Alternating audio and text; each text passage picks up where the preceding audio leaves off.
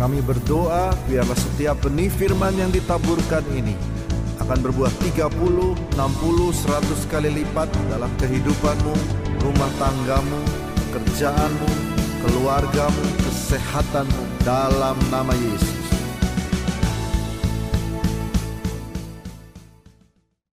Kita akan membahas tentang hal kecil. Tuhan mempercayakan kita hal-hal kecil kita sudah masuk ke hari, minggu ketiga, maka hari ini kita belajar tentang hamba yang baik dan setia. Mari kita baca sama-sama satu dua tiga, hamba yang baik dan setia. Apa pun status kehidupan kita, baik kita sukses dalam kehidupan, tidak sukses, status uh, apa pun juga atas, bawah, sakit, tidak sakit, pada akhirnya pada waktu kita bertemu dengan Tuhan, bukankah kata-kata ini yang kita nanti-nantikan? Tuhan berkata, hai hambaku yang baik dan setia, masuklah dalam kebahagiaan Tuhanmu. Yang mau boleh angkat tangannya. Amin. Inilah yang kita mau pelajari hari ini. Ternyata hal-hal kecil yang kita akan pelajari hari ini. Kita lihat dari kitab kejadian. Kita akan baca bersama-sama. Saya berharap saudara bisa baca pelan-pelan ya. Satu, dua, tiga. Yusuf tatkala berumur 17 tahun, jadi masih muda, biasa mengembalakan kambing domba bersama-sama dengan saudara-saudaranya, anak-anak Bilha dan Silpa, kedua istri ayahnya, dan Yusuf menyampaikan kepada ayahnya kabar tentang kejahatan saudara-saudaranya. Jadi saudara-saudaranya itu memang jahat. Perhatikan, saudara-saudara Yusuf itu memang jahat. Lalu ayat ketiga, Israel lebih mengasihi Yusuf dari semua anaknya yang lain. Sebab Yusuf itulah anaknya yang lahir pada masa tuanya. Dan ia menyuruh membuat jubah yang maha indah bagi dia. Setelah di ayat 4 sama-sama setelah dilihat oleh saudara-saudaranya bahwa ayahnya lebih mengasihi Yusuf dari semua saudaranya itu, maka bencilah mereka itu kepadanya dengan tidak mau menyapanya dengan ramah. Baik kita lihat ayatnya lebih lagi. Israel lebih mengasihi Yusuf dari semua anaknya yang lain. Sebab Yusuf itu anaknya yang lahir pada masa tuanya. Kata masa tuanya, kalau saudara baca komentaris dari Bible, komentaris dari para teolog-teolog, mereka menuliskan bahwa pada masa itu dikatakan anak yang lahir pada masa tuanya adalah sebuah ungkapan Bukan anak yang lahir pada masa tua, tapi sebuah ungkapan bahwa anak ini lebih bijaksana daripada anak yang lain. Saya ulang lagi, dia lebih bijaksana daripada anak yang lain. Nah, bijaksananya seperti apa? Kalau saudara lihat ayat yang ini tadi, kita kembali. Yusuf tatkala berumur 17 tahun, saudara lihat di atas, mengembalakan kambing domba bersama saudara-saudaranya. Anak-anak Bilha dan Silpa dan Yusuf menyampaikan tentang kejahatan saudara-saudaranya. Memang kurang ajar saudara-saudaranya ini. Kenapa saya cerita buat saudara sedikit? Mari saudara baca bersama saya dari atas. Yusuf tatkala berumur berapa? 17 tahun. Jadi masih muda. Biasa mengembalakan kambing domba bersama dengan saudara-saudaranya. Saudara baca anak-anak siapa? Bilha dan Silpa. Kedua istri ayahnya. Loh, Pak, Ayahnya Yusuf siapa namanya? Ada yang tahu? Yang tahu dapat aku ah. Siapa yang tahu nama ayahnya Yusuf? Yakub. Ya. Beberapa di belakang. Siapa aja deh Pak. nama ayah Yusuf adalah Yakub. Loh, bukankah Yakub itu kawin dengan Lea dan Rahel? Betul ya? Loh kok ada lagi? Siapa namanya? Bilha dan Silpa. Jadi ini rupanya dua ini gundik. Jadi Yakub istrinya berapa? Empat. Beberapa bapak-bapak hmm. hmm. Saudara coba aja ya. Silahkan kalau nggak mabok sendiri ya. Saya satu aja sudah. lihat baik-baik ya. Ini anak-anak dari gundiknya. Jadi berantakan sekali. Saudara siapa namanya? Namanya Bilha dan Silpa. Saudara tahu kakaknya Yusuf namanya Ruben. Pernah dengar nama Ruben? Ruben adalah salah satu keturunan 12 suku Israel kan? Anak pertama. Itu tidur sama Bilha. Gundik bapaknya. Kacau sekali. Adiknya Ruben namanya Yehuda. Yehuda turun ke bawah Raja Daud. Turun lagi ke bawah bangsa pilihan. Jadi Tuhan Yesus. Yehuda. Itu tidur sama menantunya. Jadi memang keluarganya ini kacau semua. Berantakan semua. Tetapi Yusuf lebih bijaksana dari yang lain. Ya kita lihat di sini kita lanjutkan. Lihat ya betapa disebut Betapa kurang ajarnya saudara-saudaranya ini. Mari saya baca buat saudara. Kemudian saudara-saudaranya ini mengambil jubah Yusuf, menyembelih kambing, lalu mencelupkan jubah yang maha indah itu ke dalam darah kambing itu. Jubah maha indah itu mereka antarkan kepada ayah mereka dengan pesan kami dapati. Silahkan bapak periksa apa jubah ini punya anak bapak atau tidak.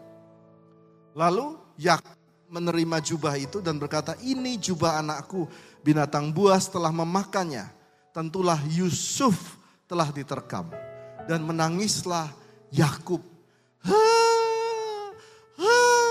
Anak kesayanganku, anak yang paling bijaksana, anak yang paling baik. Kok kenapa dia yang mati?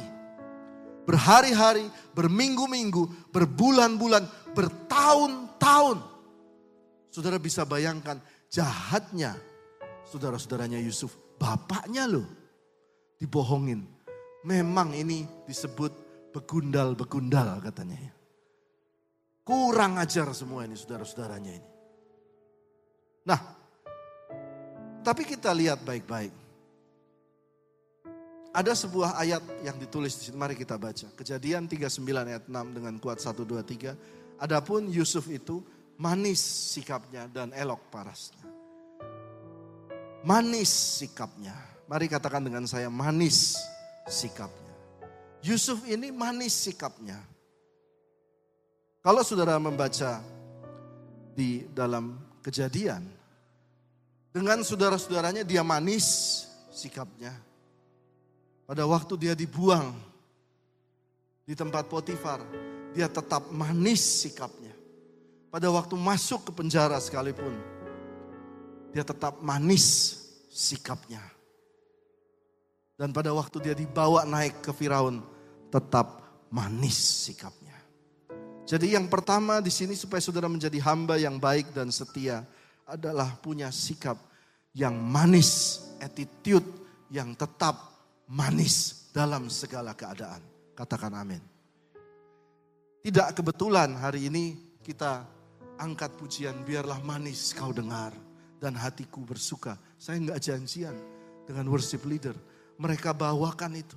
Siapa tahu ini pesan buat saudara untuk tetap manis meskipun saudara berada di tengah seperti neraka. Seperti Yusuf, saudara-saudaranya itu neraka semua Pak, Bu. Itu semuanya begundal-begundal, tapi tetap manis. Waktu jadi budak, dia tetap manis, yang keluar itu manis. Pada waktu dia dibuang ke penjara sekalipun, dia tetap manis.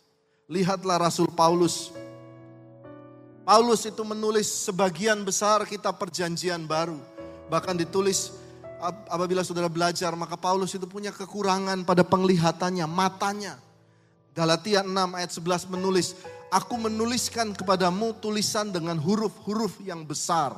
Nanti saudara buka di rumah Galatia 6 ayat 11. Itu menandakan kalau dia nulis itu tidak kecil-kecil karena matanya ini ada gangguan disebutkan Tuhan singkirkanlah duri ini dari dagingku. Itu kemungkinan besar adalah matanya, penglihatannya. Hampir buta, sering di penjara, tetapi surat-surat yang keluar manis semua. Hari ini buat saudara semua, tetaplah manis dalam nama Yesus.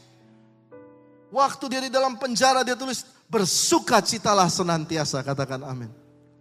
Mengucap syukurlah di dalam segala hal. Allahku akan mencukupkan segala keperluanmu padahal dia dalam penjara.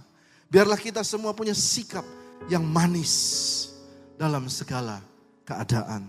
Katakan amin. Orang yang manis sikapnya dapat membuat neraka di sekitarnya menjadi surga. Saya ulangin lagi. Orang yang manis sikapnya. Sekelilingnya neraka pak.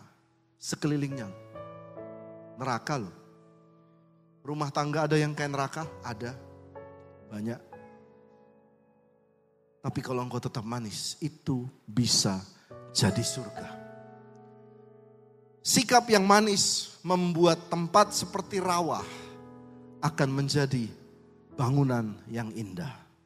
Kita lihat seorang bernama Lee Kuan Yew, Perdana Menteri Singapura, pendiri Singapura, tahun 1965 sikapnya dia mendapatkan daerah yang kecil sebagai negara namanya Singapura.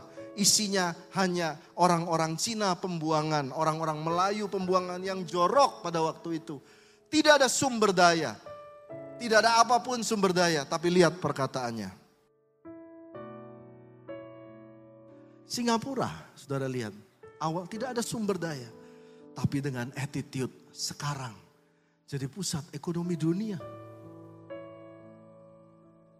Sikap yang manis. Lalu berikutnya kita melihat lagi sebuah contoh.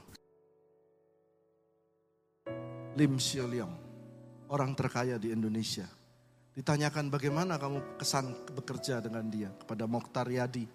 Dan dijawab, dia adalah seorang yang unik. 16 tahun bekerja dengan dia, mulutnya ini gak pernah ngomongin jelek orang selalu yang baik. Padahal 16 tahun loh. Biasanya jangankan 16 tahun, biasa kita kenal orang 3-4 tahun aja udah ketahuan jeleknya semua ya. Ini 16 tahun, mulutnya. Perhatikan saudara. Dengan sikap yang manis, semua di sekitar kita bisa jadi surga. Berikan tepuk tangan buat Tuhan Yesus. Ayo saudara lihat kanan kiri, katakan sikap yang manis. Supaya saudara ingat, saudara bawa pulang sesuatu yang manis dari gereja ini. Saya ingat Pak Didi dan Bu Vivi ya minggu lalu. Pak Jenderal, ada yang manis yang keluar dari dia berkata, seribu satu orang, gak mungkin kamu keterima. Beliau berkata, meskipun seribu, siapa tahu satu saya mungkin itu yang satu itu keterima. Manis sikapnya. Berikan tepuk tangan buat Tuhan Yesus. Kita lihat selanjutnya. Ada berkat Yakub kepada Yusuf. Pada waktu Yakub mau meninggal, dia memberkati Yusuf. Lihat kita lihat ada dua, dua ayat berkat Yakub kepada Yusuf. Yang pertama adalah, mari kita baca satu dua tiga. Yusuf adalah seperti pohon buah-buahan yang muda pohon buah-buahan yang muda pada mata air, dahan-dahannya naik mengatasi tembok. Waktu saya baca ini, waktu saya lima tahun, 10 tahun yang lalu baca ayat ini, saya selalu beranggapan bahwa, oh firman ini artinya nanti satu hari kita akan mengatasi rintangan, pasti kita bisa melompati tembok. Betul ya? Seringkali. Tapi tadi malam saya baca ayat ini, ada yang menarik di sini. Mari saya baca lagi bersama saudara. Yusuf adalah pohon, pohon apa? Buah. Loh, oh ini pohon buah. Lalu diulang lagi buah-buahan yang muda. Ada mata airnya, berarti subur. Dahan-dahannya naik mengatasi tembok. Lewatin tembok. Pertanyaannya simpel saja. Saudara lihat sudut pandang ini. Kalau saudara punya pohon mangga, ya bu, pasang punya pohon mangga Pak Tampu Bolon.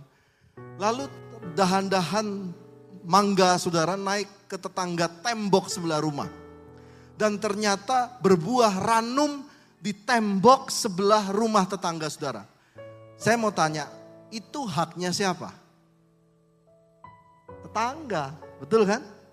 Lah bukan tembok kita. Dia mau ngambil kita nggak bisa marah loh. Dia tumbuhnya di luar begitu. Ini berbicara tentang kemurahan hati. Artinya murah hatilah saudara mau jadi hamba yang baik dan setia, yang bijaksana, saudara harus murah hati. Kemurahan hatimu itu sampai keluar tembok. Sesuatu yang engkau sudah tembok, biarlah dia juga mendapat kemurahan hati. Ayo Pak, ini tidak mudah. Buat saya pun tidak mudah. Simple aja. Pernah saudara satu kantor dengan orang? Waktu satu kantor dengan orang, baik kan? WA, ulang tahun, apa kabar dan sebagainya. Begitu dia sudah tidak satu kantor lagi, nggak ada tuh ucapan happy birthday, hilang semua. Betul nggak? Hari ini Tuhan ajarkan, biarlah kemurahan hati melewati tembok. Ada juga orang-orang yang menyakiti saudara. Saudara tutup tembok, tutup tembok. Hari ini firman Tuhan berkata, meskipun dia menyakiti, kalau engkau ada buah, biarlah mereka juga menikmatinya. Kalau saudara sampai level ini, sampai di level ini, tidak mungkin Tuhan tidak tempatkan saudara di tempat tinggi. Pasti. Karena engkau menjadi seperti Tuhan, seperti Bapak yang memberikan matahari baik kepada orang percaya maupun orang tidak percaya. Amin. Kemurahan hatimu buat orang-orang di luar. Berikan tepuk tangan buat Tuhan Yesus. Nah, selanjutnya Saudara lihat nih ya. Lihat Yusuf ini. Segala miliknya diserahkan kepada kekuasaan Yusuf. Dengan bantuan Yusuf ia tidak usah lagi mengatur apa pun. Selain makanannya sendiri. Jadi dia keluar tembok, dia lebih melakukan lebih daripada standar yang diberikan. Dikasih tugas A, dia lakukan A, B, C.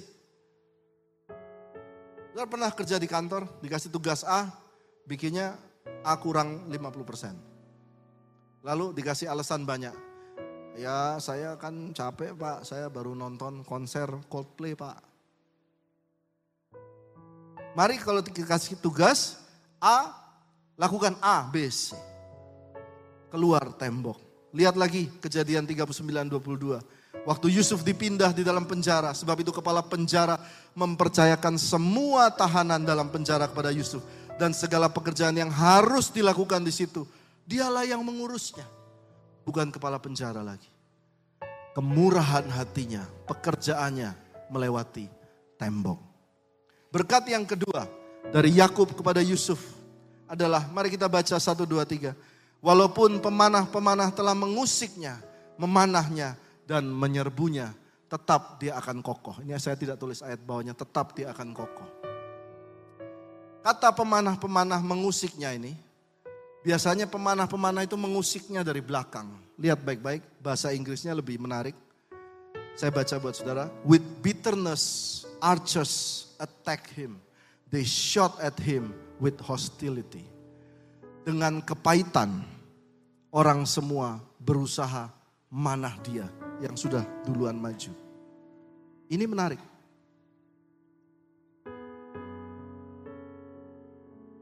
Ini menarik sekali. Uh, ada stage nggak satu? Ada tim stage satu?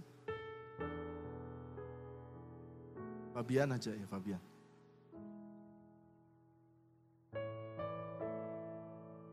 Berkat Yakub menaik. Oke, okay, thank you. Berkat Yakub kepada Yusuf dibilang walaupun pemanah-pemanah mengusiknya, tetap dia akan kokoh. Jadi misalnya dia ini Yusuf. Ini Yusuf. Oke, kamu ke sana, ngadep sana. Oke. Kamu pura-pura naik kuda. Oke. Jalan pelan-pelan.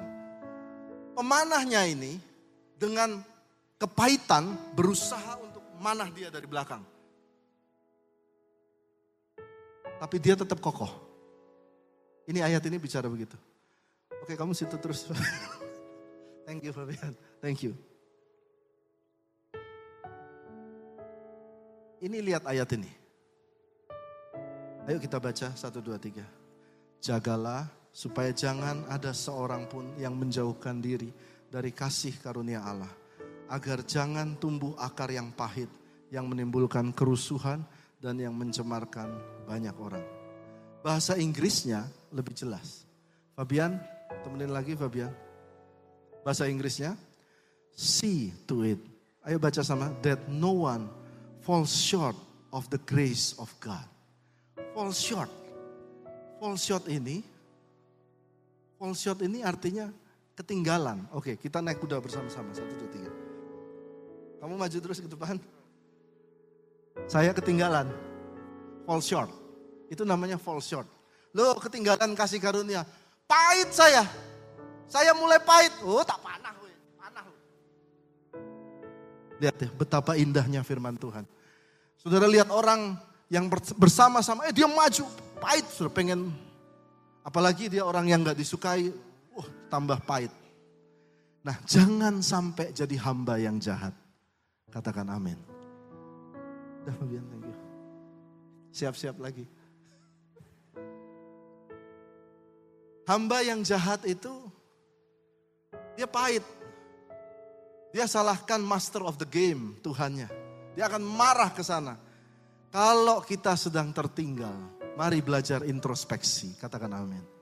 Tuhan ampuni aku. Mungkin saya ada salah. Mungkin saya ada dosa di mata Tuhan. Mungkin saya tertinggal.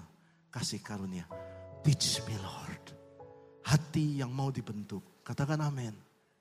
Pasti Tuhan putar lagi. Nah. Jadi yang pertama punya sikap yang manis. Yang kedua hari ini simple saja. Jangan menjadi pahit. Mari kita baca satu dua tiga. Jangan jadi pahit. Kalau saudara jadi pahit, aduh Saudara dari yang baik dan setia dibilang engkau malas dan jahat. Bagian terakhir, bagaimana banyak di antara kita yang pahit. Tapi hari ini gereja Tuhan, pahit bisa jadi manis. Ada dua penutup, saya undang teman-teman pemusik. Yang pertama, kalau hidupmu pahit, entah karena keadaan, karena hati, karena keluarga, banyaklah makan firman Tuhan. Mari kita baca Mazmur 119, 103, 123. Betapa manisnya janjimu itu bagi langit-langitku. Lebih daripada madu bagi mulutku. Ayo sekali lagi baca. Betapa manisnya janjimu itu bagi langit-langitku. Lebih daripada madu bagi mulutku. Buat saudara yang alami pahit demi pahit, demi pahit, demi pahit. Hari ini saya mau kasih tahu banyak juga janji Tuhan yang manis. Kamu belum mengecap kemanisan itu. Hari ini saya mau kasih tahu buat saudara, banyak yang manis yang Tuhan siapkan buat kita. Banyak makan firman, banyak bergaul dengan teman-teman. Saya kemarin lihat di Komsel hari Jumat, pada joget-joget gitu ya. Joget-joget, poco-poco dan sebagainya. Ya, happy-happy lah bersama teman gereja datang ke komsel. Biarlah yang manis itu menular bagi kehidupan kita. Jangan yang pahit kumpul sama yang pahit. Banyak makan firman. Yang kedua, menerima dan menyerahkan. Mari baca bersama saya satu dua tiga. Menerima dan menyerahkan. Berapa waktu yang lalu, kurang lebih tahun lalu, dua tahun lalu. Ada seorang pasangan suami istri datang Pak anak saya sakit. Lalu beberapa hari kemudian anaknya yang kesayangan mereka ini meninggal. Masih kecil. Kami sedih sekali. Gereja berduka cita, kita sedih sekali. Bertahun-tahun pasangan ini berdoa untuk anak. Tiba-tiba sakit, demam berdarah dan meninggal. Pahit. Ibunya bahkan bilang, Pak saya nggak bisa ke sekolah minggu. Nggak bisa. I understand, I understand. Saya mengerti. Pahit. Tapi di sini mari kita belajar poin kedua. Kalau saudara pahit, entah dalam kehidupan, dalam kegagalan, kehilangan sesuatu, entah kehilangan masa depan, kehilangan karir, kehilangan orang, engkau harus terima. Katakan terima. Engkau harus terima dulu. Udah. Ada juga pasangan yang ya karena keadaan juga jadi single parent di gereja ya harus terima. Siapa juga yang mau begitu. Tapi satu hal, terima dulu. Selama engkau tidak terima, engkau akan bertarung dengan kepahitan itu terus. Receive, ya sudah. Waktu mama saya ditinggal, papa saya, dia bilang saya jadi janda. Janda, janda, janda. Tiap sampai tiga bulan, enam bulan, nangis terus di kamar. Saya siapa yang ngurus anak? Bilang, harus terima sampai satu hari mama saya bilang, ya udah, saya harus terima ini. Baru di situ Tuhan bisa menyinari engkau lagi. You have to receive. Setelah menerima, serahkan ke Tuhan. Katakan amin. Waktu engkau serahkan ke Tuhan itu. Orang bilang, Pak nasi sudah jadi bubur. Eh, ada firman Tuhan loh. Air cuci kaki diserahkan ke Tuhan bisa jadi anggur yang manis. Jadi terima, serahkan pada Tuhan. Dia rubah jadi manis. Berikan tepuk tangan buat Tuhan Yesus.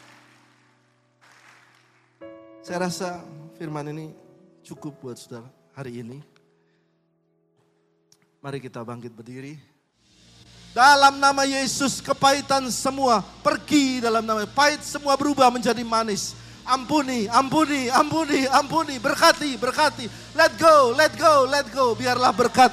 Saya melihat air turun, air turun, air turun mengalir dari atas, mengalir berkat mengalir. Masa depanmu gilang gemilang, madu yang manis masuk pada tubuhmu. Semua yang manis terjadi. Mengalir Tuhan, mengalir, mengalir, mengalir. Terima kasih Tuhan, terima kasih. Kami terima berkat-Mu Tuhan. Tuhan memberkati Engkau dan melindungi Engkau. Tuhan menyinari Engkau dengan wajahnya dan memberi Engkau kasih karunia. Tuhan mengajapkan wajahnya kepadamu dan memberi Engkau damai sejahtera. Semua yang terima berkat dengan penuh iman katakan, Ah.